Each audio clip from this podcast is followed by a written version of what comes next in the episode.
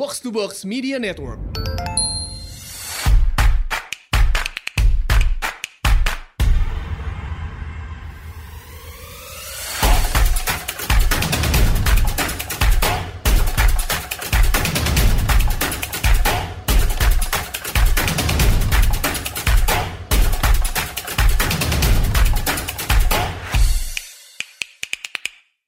Selamat datang di Asumsi Bersuara. Kali ini kita akan bahas tentang isu kenaikan pajak pertambahan nilai atau PPN gitu, yang katanya naik dari 10% ke 12% gosipnya. Dan juga uh, isu ini dibarengi dengan penerapan PPN ke hal-hal seperti uh, sembako dan juga sekolah gitu ya. Katanya ini menimbul dan ini menimbulkan banyak uh, polemik gitu banyak banget uh, perbincangan gitu ya di di sosial media. Orang banyak yang bertanya-tanya kenapa sih apa sih urgensinya gitu dan kenapa dua sektor ini ditargetkan oleh pemerintah dibandingkan opsi-opsi lainnya ada. Kemarin bahkan juga baru muncul berita katanya layanan kesehatan dan juga dokter umum gitu katanya akan dikenai PPN juga. Nah ini kita pengen gali lebih dalam nih soal ini. Kenapa kenapa sih ada ada wacana ini gitu. Nah saya senang sekali kedatangan lagi Mas Justinus Prastowo ke Asumsi Bersuara. Mas Justinus selamat datang di Asumsi Bersuara Mas.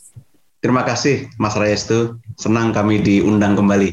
Ya, Mas uh, Justinus Prastowo ini sekarang uh, menjabat staf khusus uh, Menteri Keuangan ya. Uh, kemarin juga banyak sekali memberikan uh, pemaparan gitu di, di Twitter, uh, di Facebook juga untuk menjelaskan gitu rasional di balik wacana ini. Um, tapi kita undang hari ini ke Asumsi Bersuara supaya kita bisa ngobrol lebih panjang nih mas. Um, kenapa sih uh, dan apa sih urgensinya dan kenapa penting gitu. Tapi mungkin sebelumnya mas Justinus saya mau mau tanya dulu nih. Sebenarnya um, perlu diluruskan gitu ya. Karena kan sebenarnya berita yang beredar tuh rada rada simpang siur gitu. Bu Sri Mulyani kalau nggak salah menyebutkan ini berasal dari draft yang bocor gitu. Uh, mengatakan juga mungkin nggak diperlakukan dalam waktu dekat atau gimana. Nah mungkin Mas Justinus boleh jernihkan dulu nih. Sebenarnya tuh benar nggak sih rencana pemerintah mau menaikkan PPN ini dan juga mau menerapkan PPN ini ke sektor-sektor yang dekat banget gitu dengan masyarakat gitu ya sembako, pendidikan, kesehatan gitu. Mungkin boleh di, dijelaskan dulu. Ya terima kasih Mas Rayestu.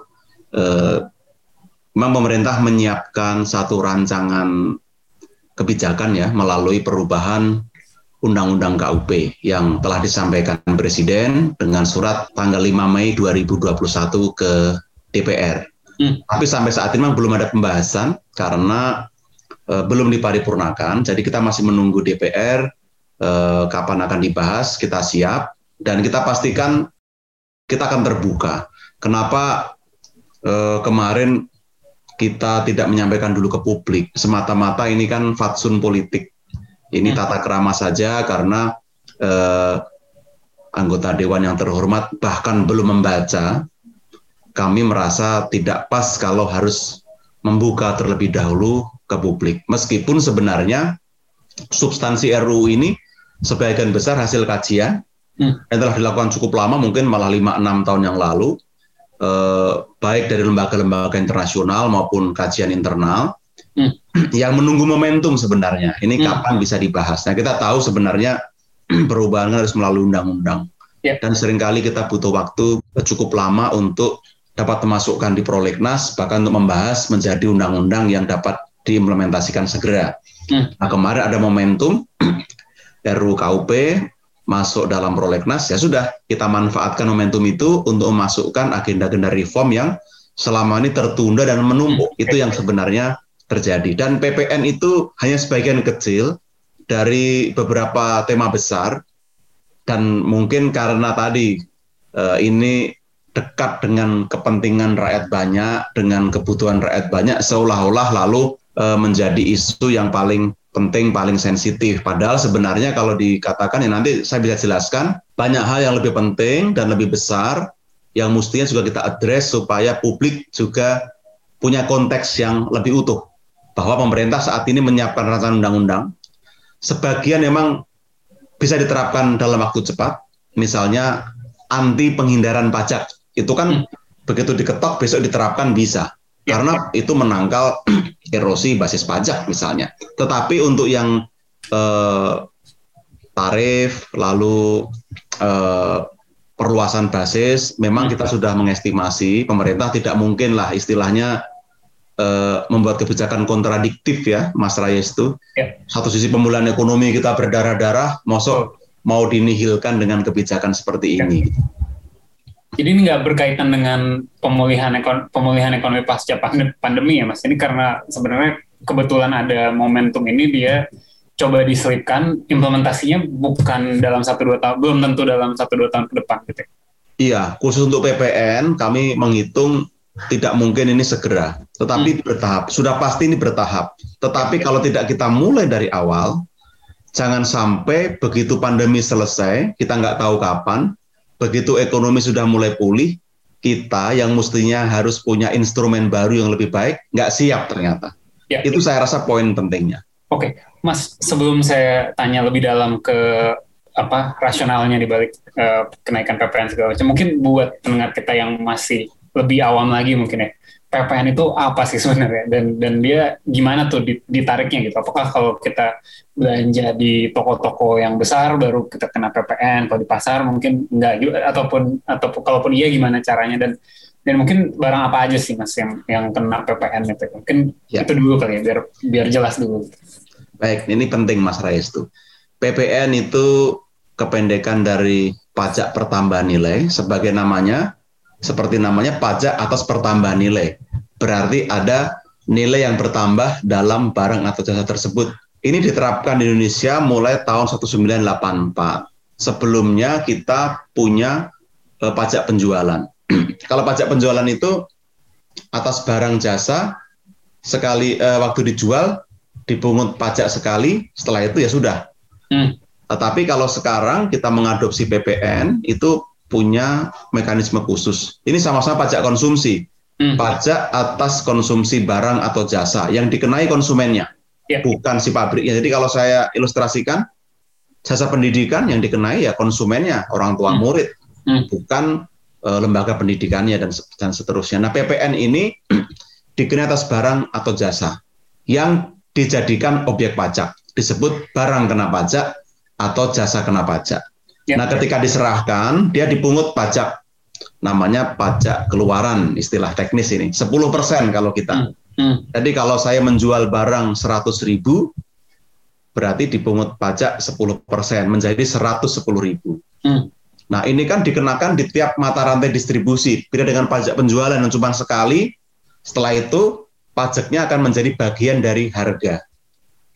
Nah, tetapi karena yang dikenakan eh, dalam mata rantai distribusi yang panjang, pajak penjualan berpotensi menjadikan harganya mahal. Betul. Karena melewati banyak mata rantai. Nah, PPN ini netral sifatnya karena ketika pabrik menjual barang, tadi nilainya 100 ribu, ada PPN 10 ribu, bagi si distributor, ketika dia bayar 110 ribu, yang 10 ribu itu pajak masukan buat dia.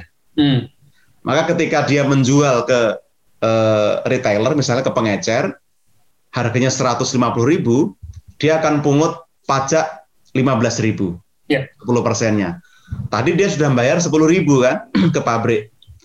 Jadi di akhir bulan dia cukup nyetor ke negara 15.000 dikurangi 10.000. Dia cukup membayar 5.000. 5.000 itulah pajak atas pertambahan nilai karena tadi beli dari ya. pabrik 100.000 dijual 150, pertambahan nilainya 50.000. 4 juta 10 persen 5 ribu. Nah kira-kira seperti itu ilustrasi untuk PPN. Lalu bagaimana mekanisme di lapangan? untuk melindungi pengusaha kecil ada aturan. Pengusaha kecil dikecualikan sebagai pemungut PPN karena dianggap belum mampu secara administrasi. Kita punya threshold 4,8 miliar setahun. Jadi PKP kalau pedagang ya? PKP.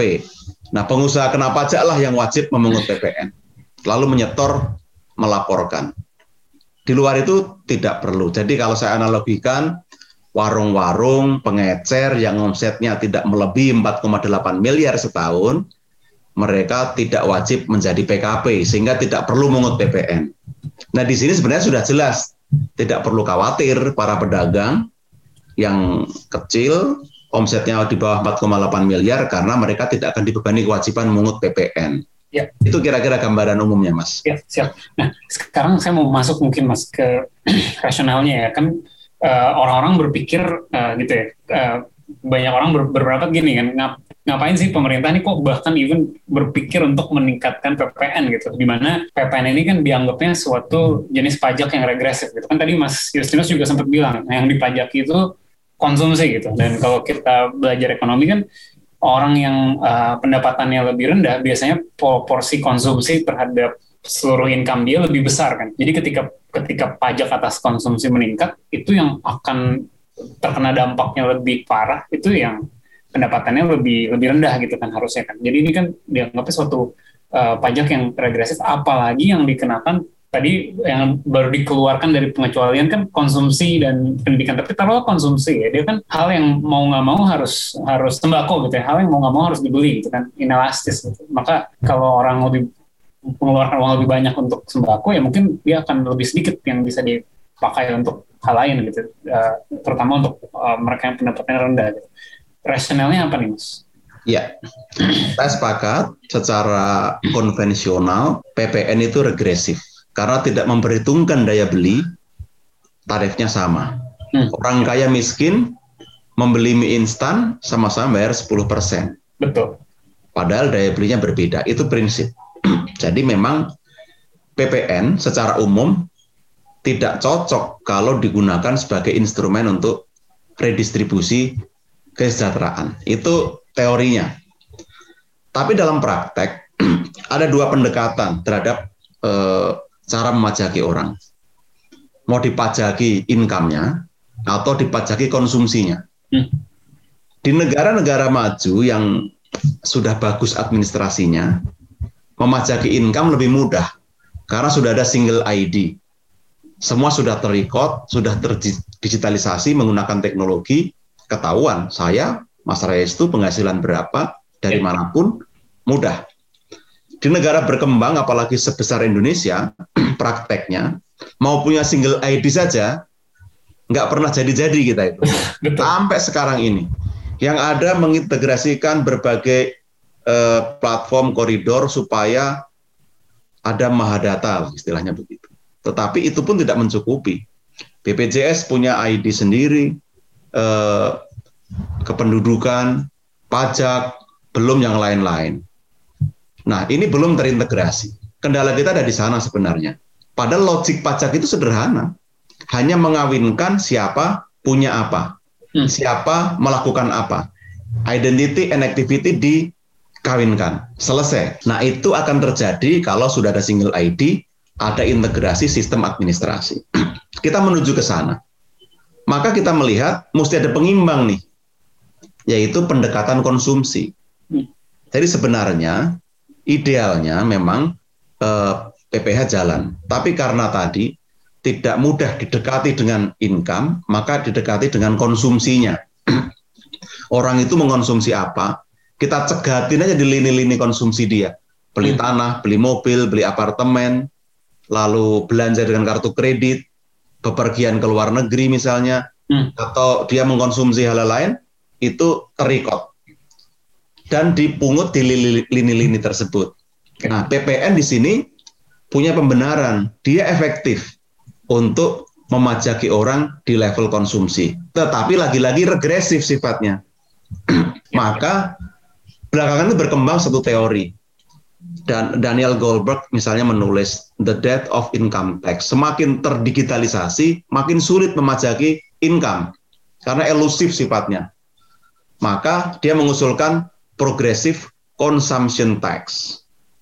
Akan lebih adil dan lebih mudah menggunakan pajak konsumsi, tetapi progresif sifatnya.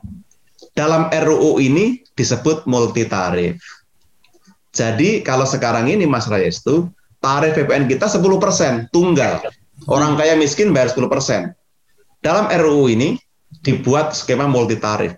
Bagi kelompok barang yang bisa kita sebut mewah, dikonsumsi oleh kelompok atas saja, itu dikena, bisa dikenai 15 sampai 25 persen.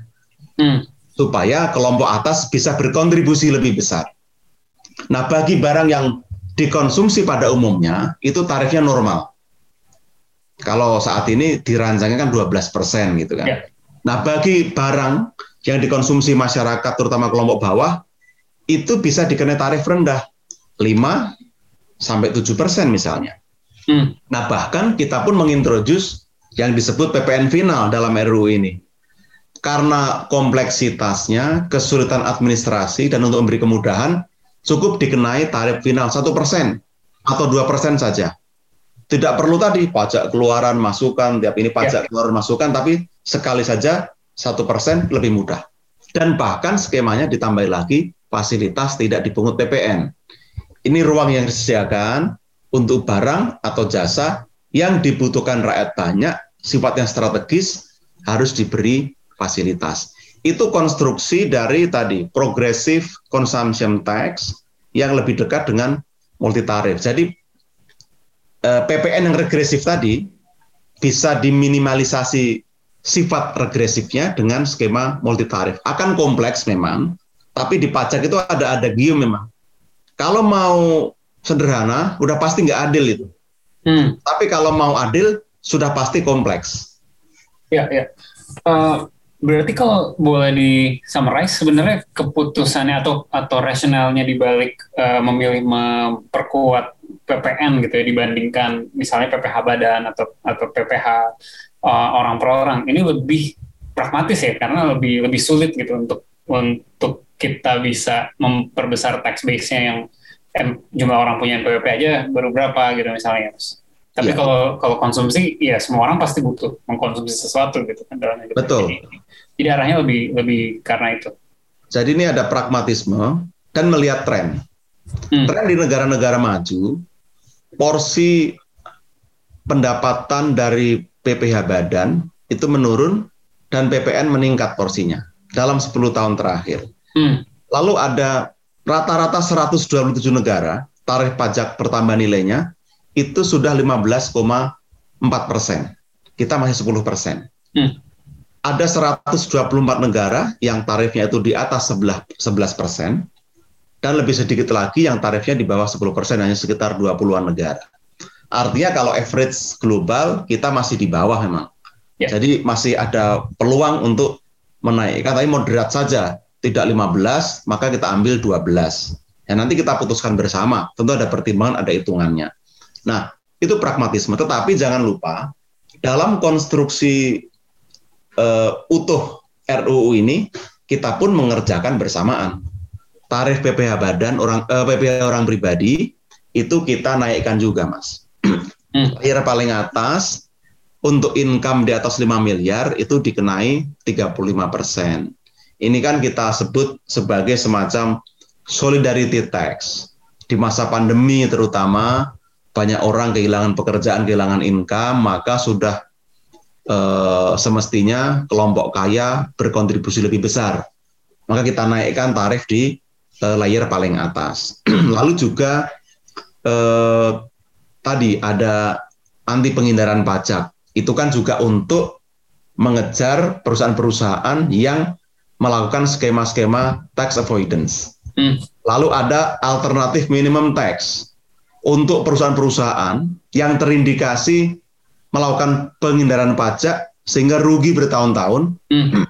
rugi bertahun-tahun masih eksis, survive bahkan ekspansi. Yeah. Itu terjadi, itu faktual ada. Nah yang begini kan perlu kita eh, perlu kita curigai ada skema penghindaran pajak Nah, untuk hal seperti ini kita dorong dengan alternatif minimum tax supaya sama dengan yang sudah patuh, yang sudah laba patuh. Mereka bayar kok, Anda menikmati fasilitas negara kok tidak bayar pajak. Itu juga upaya yang kita lakukan. Jadi kita coba desain lebih lengkap, kita kerjakan bareng-bareng, tetapi tetap selektif dan uh, bertahap, gradual nanti penerapan. Itu semua masuk dalam uh, draft RUU KUP itu ya, Mas? Masuk. Uh, masuk. Itu bisa jadi satu pembahasan lebih panjang lagi tuh tax amnesty betul. segala macam ya. panjang banget emang. Ini semua kita masukkan.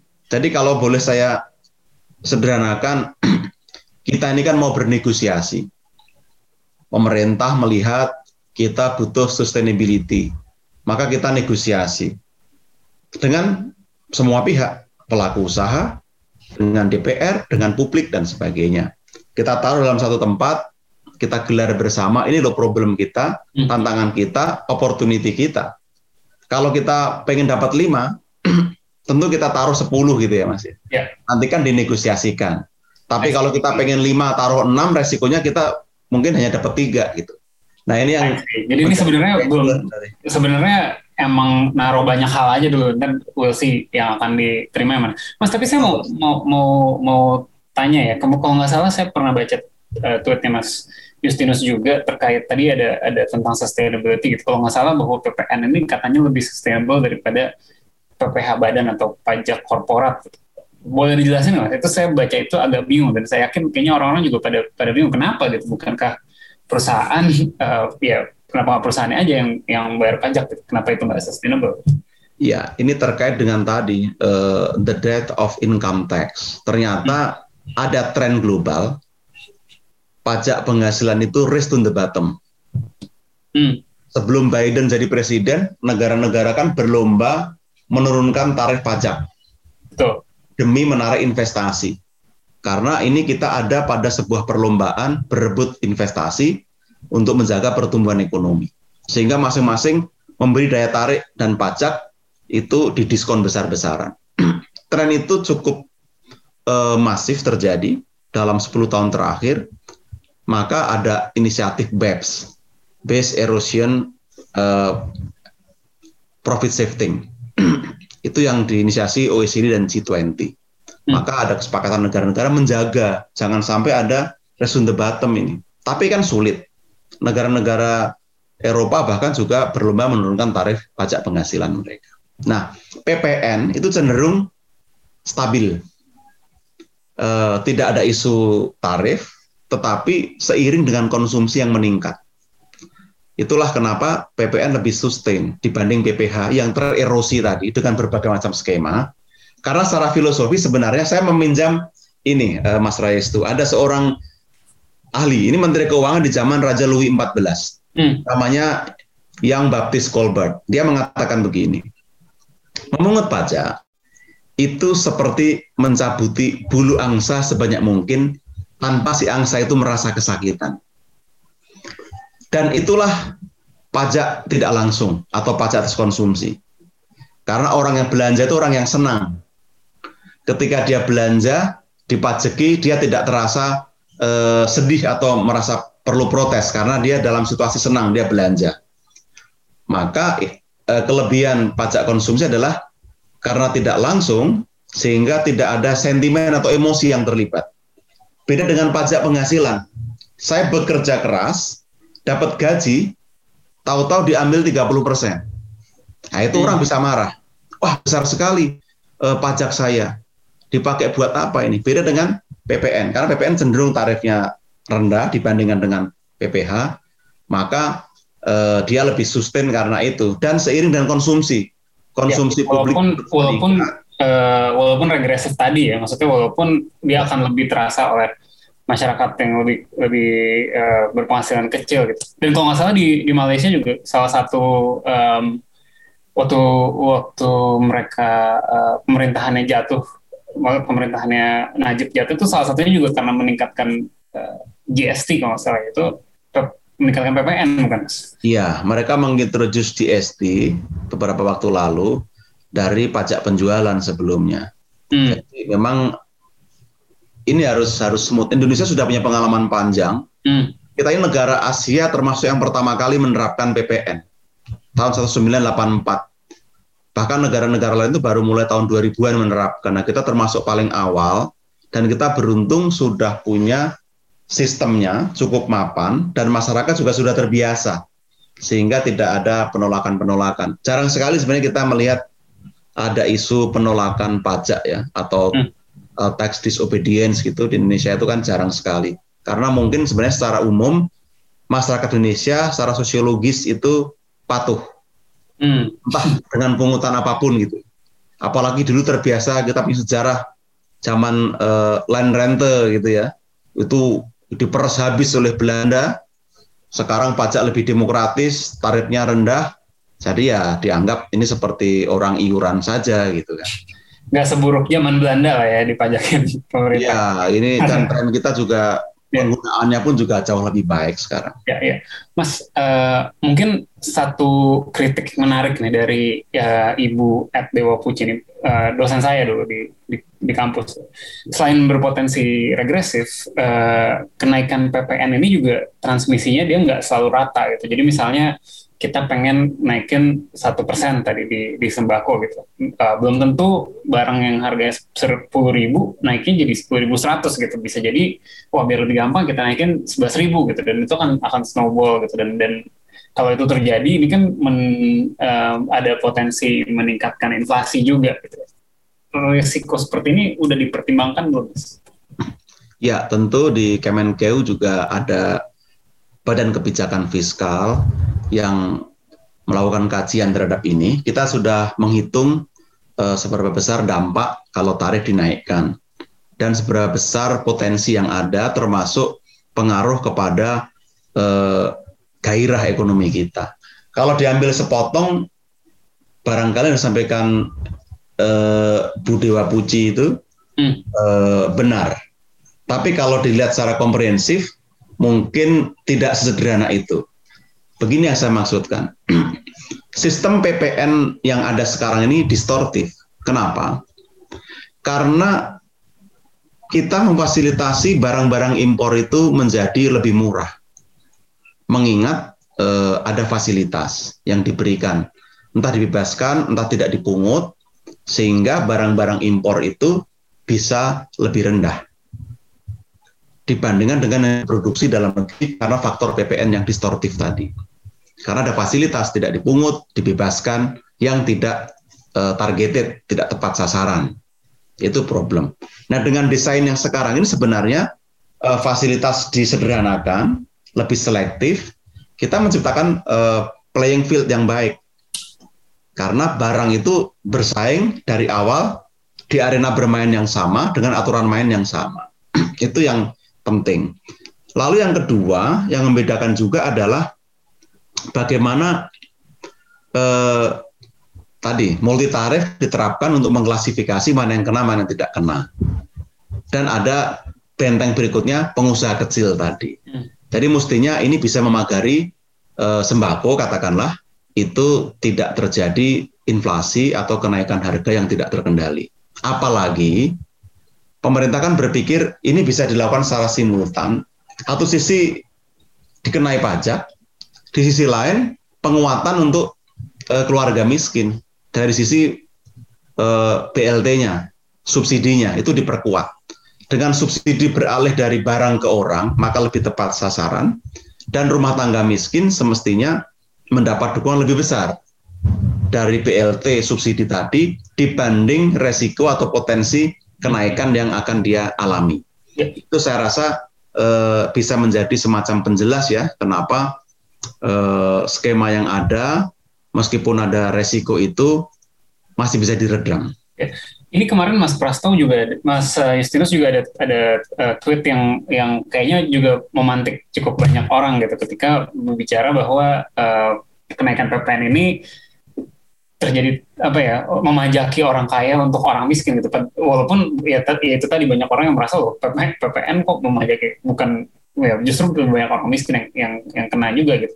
Um, mungkin boleh dijelaskan mas uh, apa namanya um, kok uh, kayak misalnya contohnya kemarin ya yang yang rame itu kan soal um, PPN dipungut dari orang kaya lalu diberikan ke orang miskin dalam bentuk subsidi pendidikan kesehatan gitu. Sementara orang-orang kan berpikir juga ketika orang menyekolahkan anaknya di sekolah swasta gitu kan itu kan ya bisa jadi karena terpaksa juga dan belum tentu karena itu sekolah mahal gitu kan bisa banyak juga sekolah-sekolah swasta yang yang nggak mahal-mahal banget gitu kan uh, banyak yang mengkritisi juga tuh ke, ke arah ya. situ. Iya, jadi saya belum ke sana. Saya menjelaskan logik dari PPN yang mungkin tadi belum lengkap. Menjadi barang kena pajak atau jasa kena pajak itu berarti kan barang atau jasa itu dikenai pajak. Hmm. Tetapi barang atau jasa itu bisa tidak dikenai pajak karena diberi fasilitas. Hmm. Ini kan tadi sembako yeah. untuk uh, orang kebanyakan itu diberi fasilitas tidak dipungut. Nah ini juga berlaku untuk jasa pendidikan dan kesehatan. Kita sepakat jasa pendidikan itu bagian dari uh, hak asasi warga negara untuk mendapatkan eh, pendidikan termasuk kesehatan dan penghidupan. Maka tidak boleh semestinya negara itu membebani kepada orang yang mau mencari ilmu yang harus pinter, justru difasilitasi. Betul. Bahkan sebelum ini pemerintah sudah menerapkan kebijakan di Undang-Undang BPH sisa lebih dari aktivitas pendidikan kan bukan objek pajak. Hmm. Sepanjang diinvestasikan kembali kepada uh, sarana prasarana dan kualitas pengajaran itu prinsip. Lalu juga banyak fasilitas terkait dengan eh, PPN atas buku-buku pendidikan, termasuk dana bos, subsidi hmm. kuota dan sebagainya itu kan besar sekali, termasuk untuk yang swasta. Jadi memang tidak mungkin pemerintah justru bertentangan dengan misi itu. Maka dirumuskan dalam rancangan ini sebenarnya hanya memberi ruang bagi pendidikan yang berkedok nirlaba, tetapi sejatinya dia sangat komersial, mestinya diperlakukan berbeda dengan yang e, mengemban misi sosial kemanusiaan. Secara otomatis lembaga pendidikan yang dikelola oleh NU Muhammadiyah, hmm. oleh gereja Katolik, gereja Protestan dan siapa pun yang mengemban misi sosial ini tentu bukan sasaran dari kebijakan ini.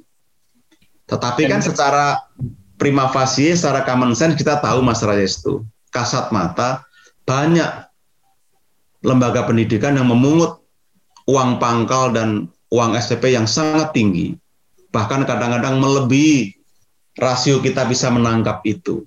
Hmm. Nah, ini kan lalu menciptakan juga gap yang sedemikian lebar. Ada orang bahkan tidak bisa mengakses pendidikan yang layak, tapi ada orang hidup di negeri yang sama itu bisa sekolah di sekolah yang sangat mahal. Tentu saja itu hak. Dan kita bersyukur ada orang ada yang mengatakan juga itu kan eh, kopi ganja itu misalnya ya. mengatakan semalapun sekolah itu kan malah mengurangi eh, porsi di sekolah negeri. Itu valid menurut saya argumen itu. Ya. Maka sebenarnya diskusi kan tidak berhenti di situ. Tadi kembali ke awal, pendekatan pajak penghasilan dari pajak konsumsi. Coba kita create. Kami tentu belum sampai ke sana, tapi ini masih common sense. Kita sediakan ruang bahwa kalau yang komersial ya mestinya itu dipajaki, kami siapkan ruangnya bahwa nanti diputuskan jangan dipajaki, tentu ini konsensus. Tapi coba kita dekati begini. Tadi saya kan cerita, wajib pajak kita masih sangat sedikit. Dari yang sedikit itu yang bayar pajak juga lebih sedikit lagi. Ya. Kita tahu banyak orang yang sebenarnya punya kemampuan tapi belum menjadi wajib pajak atau belum membayar pajak dengan baik. Kelak saya memikirkan begini, ini masih pandangan pribadi saya. Kita bisa mendesain orang-orang tua yang menyekolahkan anak di sekolah mahal itu, sepanjang dia sudah punya NPWP, sudah lapor SPT, ya tidak perlu dikenai PPN, bisa dieksklud sebenarnya. Hmm. Ini masih pandangan pribadi saya ya. Jadi dia menunjukkan dia punya NPWP, lapor SPT, dia dieksklud. Itu kan juga mendorong orang menjadi wajib pajak, sekaligus dia diberi insentif jadi kayak GST refund, uh, tapi ya VAT refund, tapi itu ber, uh, dia harus um, apa ya ada ada syarat tertentu gitu memenuhi syarat ya, tertentu. Ini kan juga mendorong kepatuhan, mendorong komplain masalah itu. Ya kan orang lalu mau menjadi wajib pajak dan lapor SPT biar tidak tidak dikenai beban PPN ini. Di sisi lain ini bagus karena meningkatkan komplain revenue dari income tax-nya ya. PPh-nya gitu. Jadi desain desain begini sangat mungkin dan ya. justru apa yang saya lempar itu kan memancing kreativitas muncul sebenarnya, inovasi yeah. muncul. Yeah. Dan kita juga harus challenge ke otoritas pajak supaya nanti berpikir kreatif sampai ke level itu sehingga bisa membuat skema insentif disinsentif. Kan ada juga nih orang yang sebenarnya kaya, tidak membayar pajak, didekati dengan PPN atas jasa pendidikan ini, nggak apa-apa. Dia memilih tetap membayar itu. Hmm. Daripada ketahuan profil penghasilan saya yang sebenarnya. Ya. Itu itu pilihan itu. Ya. Mas, tapi implementasi di lapangannya nanti uh, bukannya justru tetap ribet ya untuk yayasan-yayasan tadi misalnya yayasan-yayasan uh, NU Muhammadiyah yang punya sekolah di seluruh Indonesia dia mereka harus harus mengajukan. Enggak, kalau itu enggak, kalau itu sudah pasti di dari awal, Mas. Oh, dari awal dari exclude. Dari awal sudah kita exclude, hmm. tetapi untuk yang betul-betul tadi komersial, sekolah internasional misalnya, hmm. Kursus-kursus privat internasional yang memang mahal itu, nanti kan kita bisa bikin threshold berapa mahal kita sepakati. Ya. Tentu harus melakukan survei yang valid ya, yang akurat tentang itu. Nah, terhadap yang ini pun untuk mengakomodir tadi hak orang untuk pintar jangan dikasih jangan dihukum bisa dengan cara ini sebenarnya. Lalu ya. tergantung pada individunya nanti. Kalau saya mau ngambil skema income tax, tinggal saya submit NPWP dan lapor SPT saya, clear. Kalau saya nggak mau ya saya bayar PPN-nya. Gitu. Itu kan skema kontribusi ya, yang adil menurut saya. Ya, ya. Uh, satu poin juga ditanyakan banyak orang gitu. Ini tadi kita udah sempat panjang sebut soal PPh badan, tapi banyak juga yang yang bilang kalau misalnya memang mau memajak kelas atas, kenapa pakai kenapa pakai model PPN gini? Kenapa enggak uh, misalnya pajak atas harta gitu, wealth tax, pajak atas warisan, atau justru PPNBM? Tapi kan sementara kemarin PPNBM justru di justru dipotong lah ya mas. Uh, ini kan jadi kemarin narasinya cukup liar nih. Uh, sembako dipajaki, mobil disubsidi. ya. Mungkin uh, ada pandangan nggak mas soal ini? Ya. ya memang kita mencoba mengeksersis skema-skema yang ada ya. PPNBM itu dalam praktek maksudnya baik. Dia memenuhi rasa keadilan karena konsumsinya hanya untuk orang-orang kaya, maka ada PPNBM tetapi dalam praktek PPNBM setelah dievaluasi kontribusi kepenerimaannya kecil dan memang uh, kurang efektif karena dia dikenakan sekali aja waktu impor atau waktu keluar dari pabrik. Ya. Mengawasinya juga tidak mudah. Maka lebih baik PPNBM itu nanti dihapus lalu diintegrasikan dalam PPN tadi dengan tarif tinggi 15 sampai 25 persen misalnya. Ya. Tapi lebih rendah kata orang kan. PPNBM kan bisa 100 persen. Iya, tetapi PPN itu kan tadi multi stage dia. Dalam tiap mata rantai dia dikenakan, jadi bisa lebih efektif. Nah, lalu valid itu pertanyaannya, kenapa eh, tidak PPH gitu kan? Nah, seperti saya sampaikan tadi, PPH itu ideal, tetapi kita tahu kondisinya tidak mudah. Nanti ketika sudah ada single ID, administrasi terintegrasi, rasanya PPH juga efektif untuk menjadi uh, sarana memungut pajak. Tetapi sekarang karena kondisi seperti itu menjadi agak sulit. Nah terkait dengan mobil tadi misalnya, narasinya kan memang yang dibangun seperti itu. Tapi ini menjadi tidak pas karena satunya realitas atau fakta, satunya kan masih rencana atau masih uh, asumsi.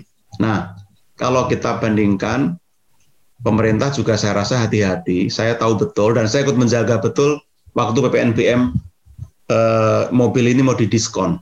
Kenapa?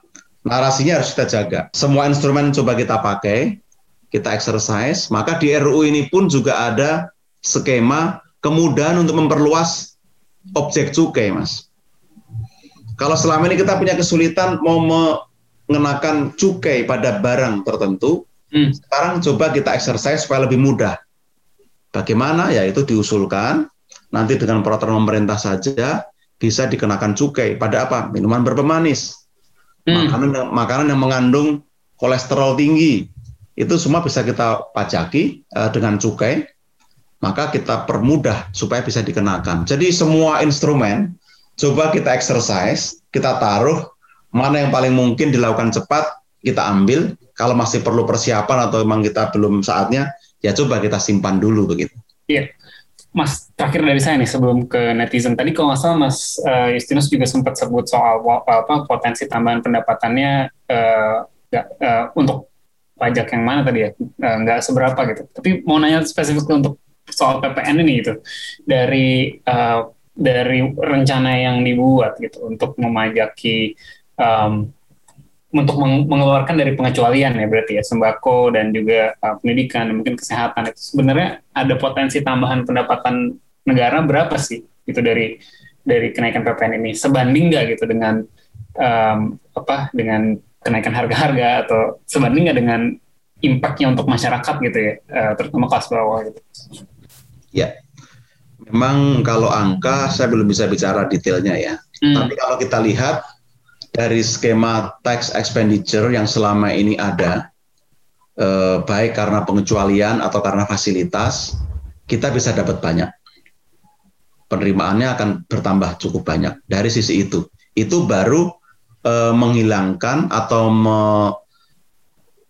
melakukan apa namanya pengurangan fasilitas supaya lebih efisien, lebih efektif, dikurangi, tepat sasaran, itu sudah menyumbang cukup banyak.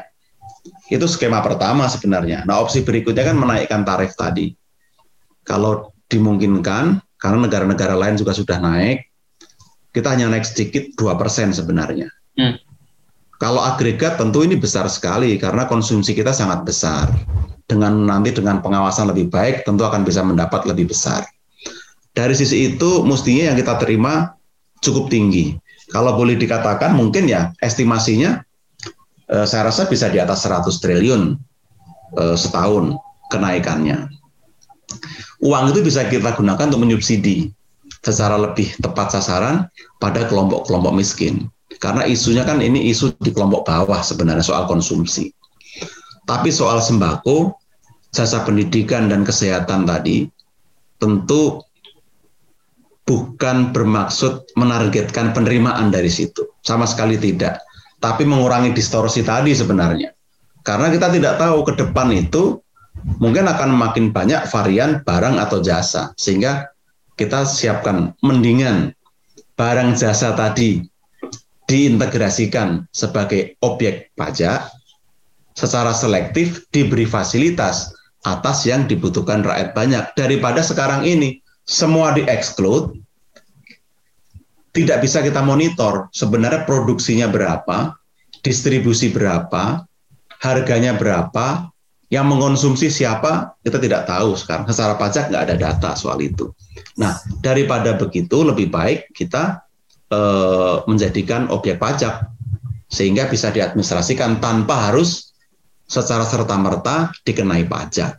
Itu kira-kira eh, pertimbangannya, Mas. Mas secara tadi Mas Justinus sebut soal distorsi juga. Semua semua pajak kan pasti menimbulkan distorsi juga gitu terhadap uh, perekonomian kan. Dan kemarin juga ada ada salah satu uh, akun juga yang yang ngepost soal cost of raising taxes. Itu kan distorsi. Misalnya kita menaikkan pajak uh, penghasilan itu akan men mendistorsi semangat orang bekerja. Kita menaruh pajak konsumsi itu akan mendistorsi uh, jumlah orang mau mau spend gitu dan spend itu kan akan berputar gitu di, di ekonomi ini di, di dihitung juga nggak gitu apakah sih misalnya taruhlah tadi 100 triliun itu sebanding nggak gitu dengan potensi distorsi-distorsi yang akan terjadi gitu. Ya, uh, saya tidak uh, belum bisa menyampaikan detailnya. Hmm. BKF juga dengan Dijen Pajak sedang melakukan kajian saat ini untuk hmm. data terkini ya. Tapi kira-kira kan logiknya dengan uh, insentif melalui Cipta Kerja kemarin kita harus agak mundur sedikit. Yeah. Pajak dividen 0%, lalu berbagai relaksasi di administrasi, tarif PB badan diturunkan sampai 20%. Itu kan appetizer yang bagus sebenarnya untuk mendorong orang berinvestasi. Hmm. Di sisi lain ada eh, beban yang memang akan dikenakan, tetapi secara agregat ini kan masih jauh lebih kecil dibanding dengan eh, insentif yang diberikan tadi. Yeah, yeah. Nah, kalau kita menghitung dari sisi itu, mestinya masih banyak surplus dibanding defisitnya. Dan multiplier yang ditimbulkan mestinya juga berdampak. Karena apa? Karena sebenarnya kita itu ingin e, meneruskan program yang di masa pandemi kita lihat bagus. Perlindungan sosial. Insentif untuk UKM dan lain. Oh ini kok bagus. Mari kita perkuat. Tapi harus punya resource kita. Nah, maka apa yang disebut Bu Menteri, arsitektur fiskal harus digelar dengan terbuka dan bisa dibaca oleh semua pihak sehingga bukan cuma isu PPN yang dilihat, tetapi juga sisi belanja. Bagaimana subsidi diperbaiki skemanya, bansos diperkuat lebih tepat sasaran, termasuk isu hubungan pusat daerah. Hmm. Jadi saat ini secara bersamaan Kementerian Keuangan atau pemerintah kan mengajukan dua RUU. Satunya RUU HKPD, hubungan keuangan pusat daerah. Nah dengan RUU yang baru ini nantinya pusat daerah ditata lebih baik. Ada indikator-indikator yang secara empirik faktual itu bisa dimonitor, betul-betul meningkatkan kualitas pembangunan di daerah. Pada waktu kita memberikan TKDD, transfer keuangan dana desa, itu yang eh, dirancang. Jadi kita harus perbaiki secara bersamaan sisi revenue dan sisi expenditure-nya. Itu kira-kira desain besarnya. Ya, uh, Mas Justinus kita mungkin masuk ke pertanyaan-pertanyaan dari netizen nih. Sebenarnya ada cukup banyak kita mungkin pilih beberapa. Mungkin yang yang nyantai dulu nih dari uh, Edo Azara. Pak, kenapa Pak uh, Prasto masih sabar jawabin pertanyaan netizen satu-satu? Iya, ya saya pada dasarnya senang berinteraksi ya. Dan menurut saya siapa pun itu saya nggak perlu lihat orangnya, tetapi ketika punya concern saya apresiasi itu dan harus saya jawab. Sayangnya tidak semua saya jawab karena semata-mata karena nggak ada kesempatan saja, tapi saya sebenarnya pengen merespon itu dan saya pakai sebagai literasi. Apa pun pertanyaannya, kadang-kadang juga keras, bahkan ada yang kasar nggak apa-apa.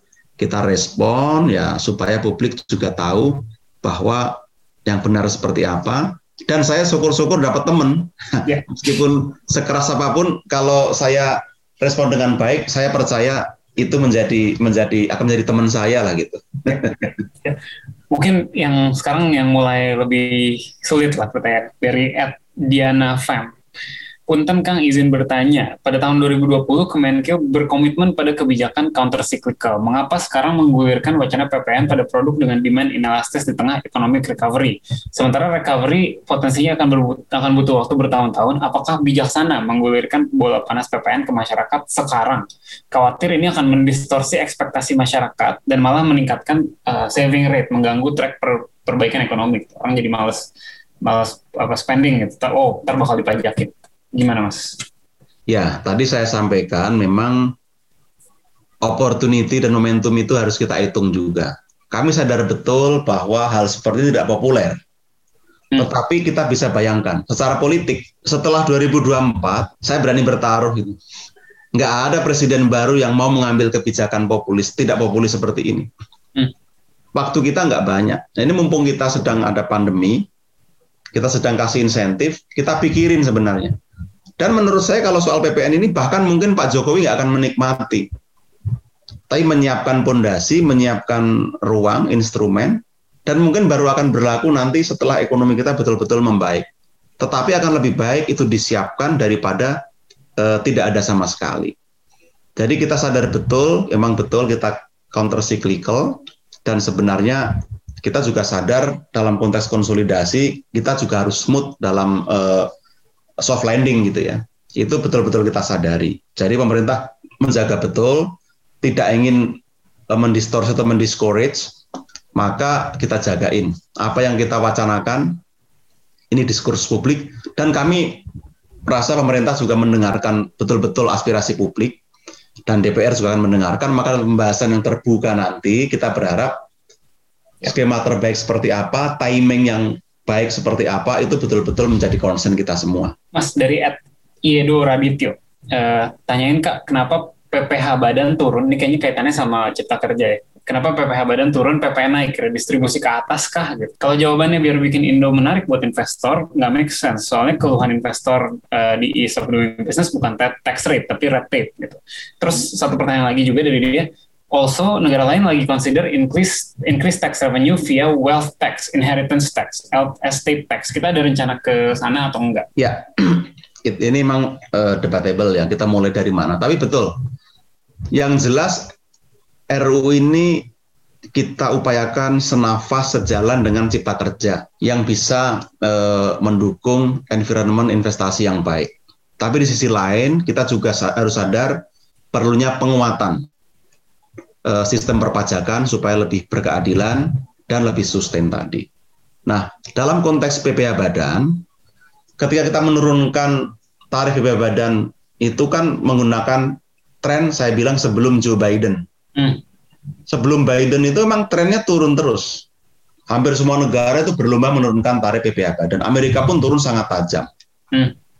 Nah, ketika Biden ada titik balik.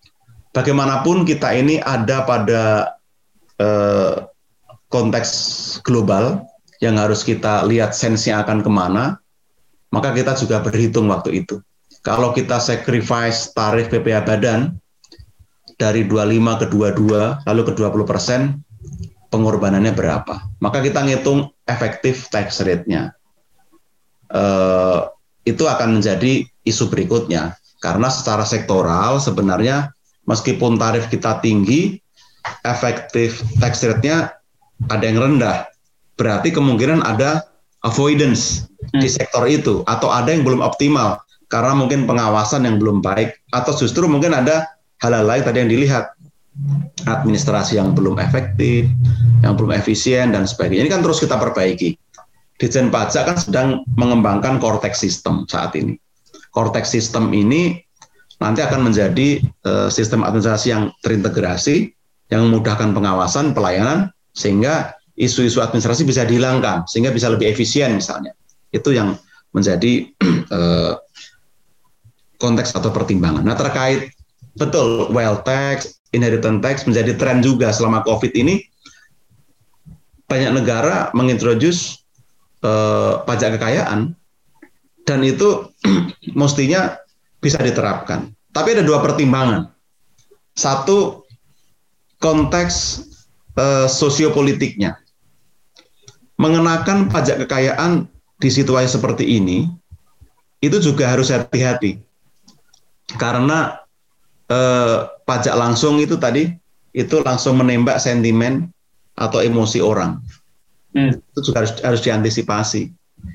Itu juga malah bertentangan dengan spirit cipta kerja yang mendorong uang masuk. Orang khawatir duit saya masuk malah dikenai pajak kekayaan nantinya selain BPH. Kita ya. juga harus hati-hati di situ. Yang kedua, sebenarnya kita sudah punya skema di pasal 4 ayat 1 huruf P Undang-Undang PH kita itu sudah mengatakan setiap tambahan kekayaan itu yang belum dipajaki itu menjadi objek pajak. Ini sebenarnya sudah dekat dengan ide pajak kekayaan. Karena pendekatannya sudah bukan lagi income sebenarnya, tapi hmm. sudah kekayaan. Apa yang kelihatan? Karena konsep income kita itu kan penghasilan itu apa yang dapat dibelanjakan atau dikonsumsi dan apa yang dapat menambah kekayaan. Ya. Itu yang saya rasa menjadi prinsip. Nah, pajak warisan belum kita introduce karena kemarin kita menghitung, kita lihat isunya warisan itu secara sosiologis ada isu pasti. Ya. Karena ada juga praktek warisan-warisan yang sifatnya komunal. Ini e, harus diantisipasi. Yang kedua, kalau kita belum punya database yang baik, memajaki warisan itu sama juga kita berburu di kebun binatang. Yang kena itu-itu saja. Ini sama juga dengan wealth tax. Wealth tax, inheritance tax itu mengandekan administrasi yang baik. Kalau tidak, kita berburu di kebun binatang. Bahkan lebih parah lagi, kita mancing di akuarium. Jadi udah pasti dapat itu. Iya, iya, iya. Uh, Mas dari at Yasha Shiro. Ini pertanyaan pertamanya mirip sama yang tadi udah kita bahas. Kita ke pertanyaan keduanya. Uh, tentang isu liar tax amnesty jilid 2. Ini menurut dia cuma jadi sarana cuci dosa pemilik modal. Dulu ngancamnya sudah tidak akan ada ampun bagi penggelap aset gitu. Eh bagi penggelap ya. Ternyata begini gitu kayak tersanjung berjilid-jilid. Gimana nih menurut Mas? Ya. Saya ingat uh, pernah podcast sebelumnya di Asumsi Hmm. Dan saya cukup tegas soal ini. Ini kan komitmen pribadi sekaligus uh, prinsip moral saya ya secara pribadi. Saya dulu mendukung amnesti dengan asumsi dan prasyarat. Nah, kalau saya lihat memang uh, mestinya asu, uh, amnesti tidak diberikan lagi dalam waktu yang berdekatan, apalagi baru lima tahun. Kalau perlu satu generasi sekali saja, ya. agar jangan tumbuh mentalitas ada permanen tax, amnesty. Ya. Nyicil aja lah ikut amnestinya, toh besok akan ada lagi gitu ya, kan. Ya. Itu kan tidak baik. Saya sepakat. Dan ini yang saya terus tekankan dan yakinkan di dalam dan semua bersepakat. Maka kalau dibaca betul nanti di RUU yang ada itu tidak ada itu sebenarnya tax amnesty.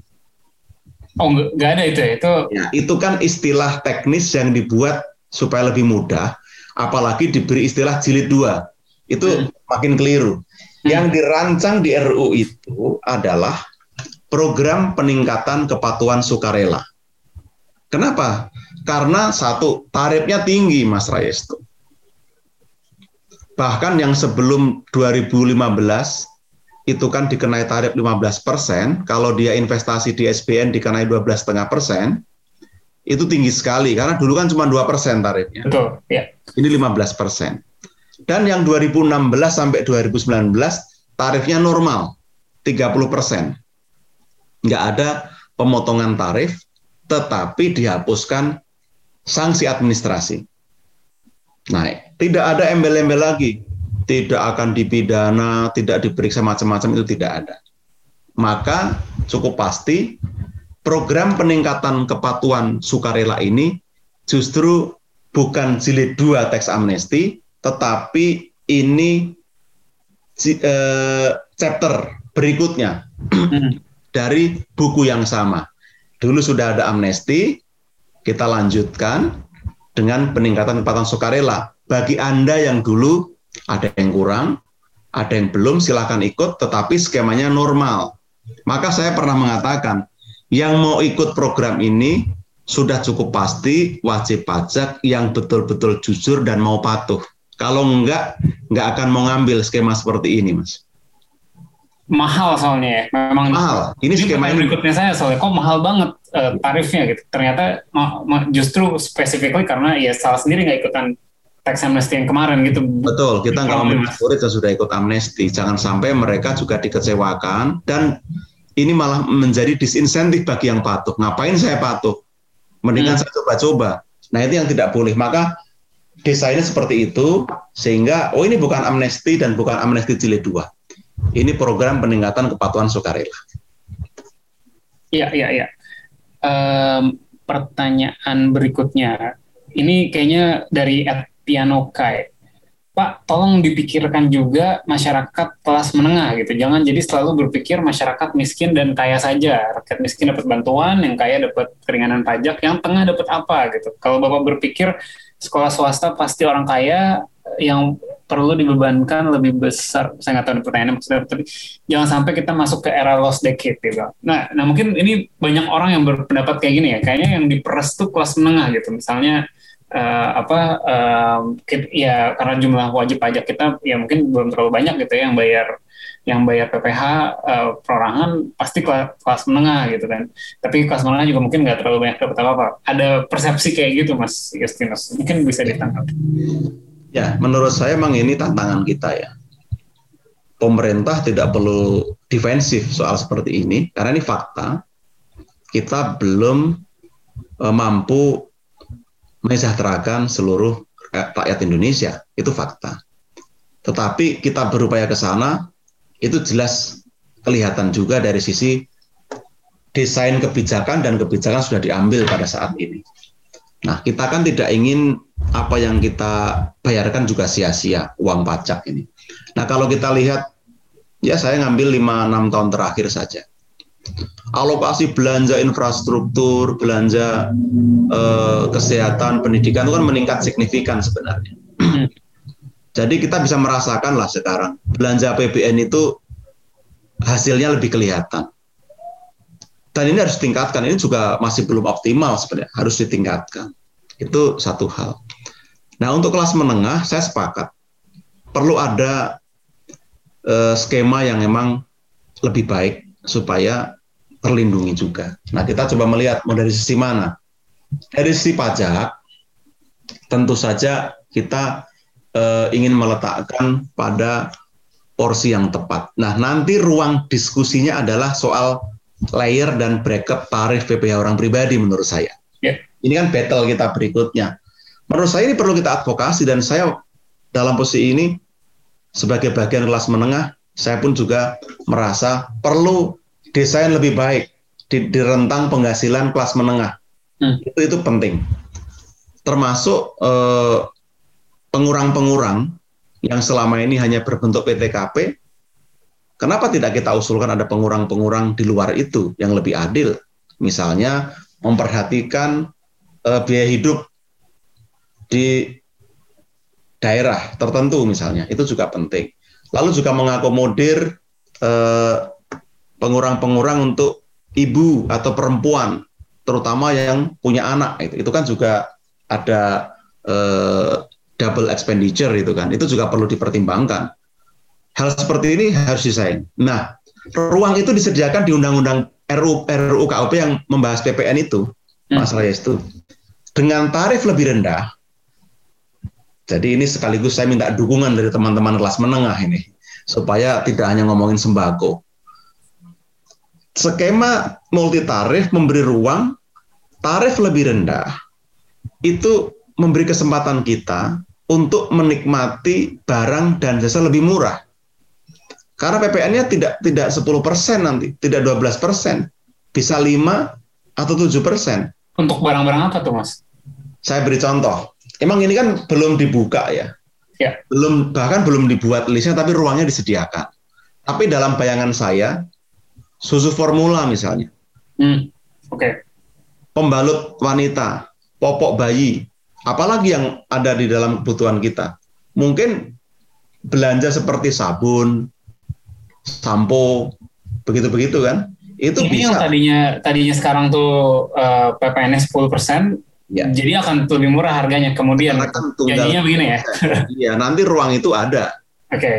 Nah, kita bisa mengadvokasi itu. Justru di sini battle kita adalah kita mengadvokasi apa saja barang yang dibutuhkan kelas menengah secara umum dan perlu dilindungi. Ya.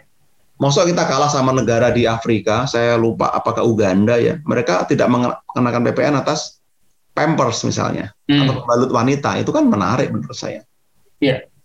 Nah ini ini yang belum banyak dibahas gitu ya bahwa uh, si CRU ini juga bisa bikin harga lebih murah di barang-barang tertentu gitu. Walaupun mungkin barang-barang lain akan dari nggak ada jadi ada atau jadi lebih mahal gitu untuk untuk orang-orang tertentu. Mas mungkin terakhir ada satu pertanyaan dari Ocean Flyer 1. Uh, tolong Mas Prasto bahas visibility pajak BBM dan sugar tax dibanding pajak makanan pokok atau sembako dan pendidikan. Pajak BBM dan sugar tax menurut dia lebih fair.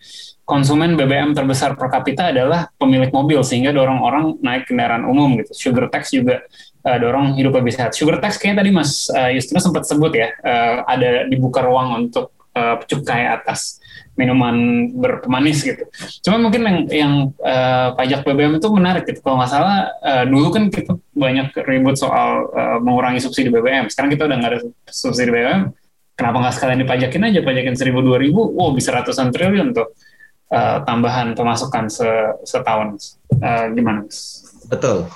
Saya waktu masih di Cita itu pernah mengusulkan enam tahun lalu pajak BBM ini tapi hmm. waktu itu memang belum diterima oleh Kementerian Teknis ya ide ini. Hmm. Padahal dulu pas bagus-bagusnya itu karena uh, harga minyak turun gitu ya. Iya, betul. Intinya itu momentum sebenarnya. Daripada dulu ada dana ketahanan energi dulu kan DKE yang kontroversial akhirnya tidak dilanjutkan itu. Ya. Nah, eh, pajak karbon yang nah ini juga bagus kan isu kelas menengah juga di RUU ini ada pajak karbon. Oke. Okay. Untuk mengurangi emisi karbon. Bisa masuk ke sana sebenarnya. Emisi yang ditimbulkan dari penggunaan bahan bakar fosil atau bahan bakar lain seperti katakanlah batu bara dan lain-lain yang memang menimbulkan emisi karbon itu dikenai pajak kan. Dengan demikian itu juga akan mendorong behavior kita berubah sehingga kita menggunakan energi yang lebih baik, lebih berkualitas. Itu ada di dalam skema di RUU ini. Lalu untuk uh, sugar tax itu sudah ada, bahkan kajiannya sudah lengkap hmm. oleh Dijen Bea Cukai dan sudah pernah diusulkan untuk menjadi objek cukai. Sayang memang belum mendapat persetujuan. Nah ini bisa kita mulai. RUU ini mengatur ruang yang lebih fleksibel untuk mengusulkan objek cukai. Nanti bisa diperluas uh, minuman berpemanis, makanan yang mengandung uh, kolesterol tinggi, ya. hal-hal lain yang sifatnya buruk bagi kesehatan, bagi publik itu bisa dikenai cukai dengan skema yang lebih mudah menurut RUU ini. Ya. Mas Justinus, kayaknya itu aja dari saya dan dari netizen. Mungkin terakhir dari Mas Justinus, apa ada lagi Mas? Kayaknya hal yang kayaknya penting untuk pendengar kita uh, ketahui gitu ya terkait isu ini, tapi mungkin belum sempat kesentuh gitu ya tadi. Ya, eh, saya rasa sudah hampir semua kita bahas, tapi saya boleh sedikit menyimpulkan. Masyarakat kami harap tetap tenang, tidak perlu khawatir, bahkan saatnya ini kita berdiskursus, berdiskusi dengan baik. Bahwa ada kemarin misinformasi yang terjadi, itu kami yakin semata-mata karena informasi yang tidak utuh yang diterima. Tapi dengan informasi yang lebih lengkap, lebih utuh, kita berharap reform ini kita lanjutkan karena toh ini untuk masa depan kita. Ini bukan buat saya, buat DJP, Kemenkeu atau pemerintah, tapi ini buat masa depan bangsa kita sendiri. Nah, desain-desain yang bagus tadi, mari kita dukung dan terus di exercise. Kami menerima masukan, kritik sekeras apa pun itu baik sepanjang kita letakkan pada upaya membuat kebijakan yang betul-betul bermanfaat untuk publik. Jadi kami pastikan tidak ada rencana atau wacana apa pun dalam jangka dekat memajaki apalagi kelompok miskin. Sebaliknya kita siapkan payung kebijakan dan landasan hukum untuk masa mendatang supaya kita betul-betul memanfaatkan momentum dengan lebih baik. Saya rasa itu aja Mas Raistu. Terima kasih kepada Asumsi. Ya, terima kasih banyak Mas Justinus atas uh, waktunya untuk ngobrol-ngobrol bareng kita soal isu yang lagi ramai ini Mas. Sekali lagi, thank you banget Mas Justinus. Sama-sama Mas, terima kasih. Untuk pendengar Asumsi Bersuara, jangan lupa follow Asumsiko, follow Box to Box ID, follow at Prasto ya Mas, atau di sosial media ya. Uh, sampai jumpa lagi hari Selasa berikutnya. Ciao.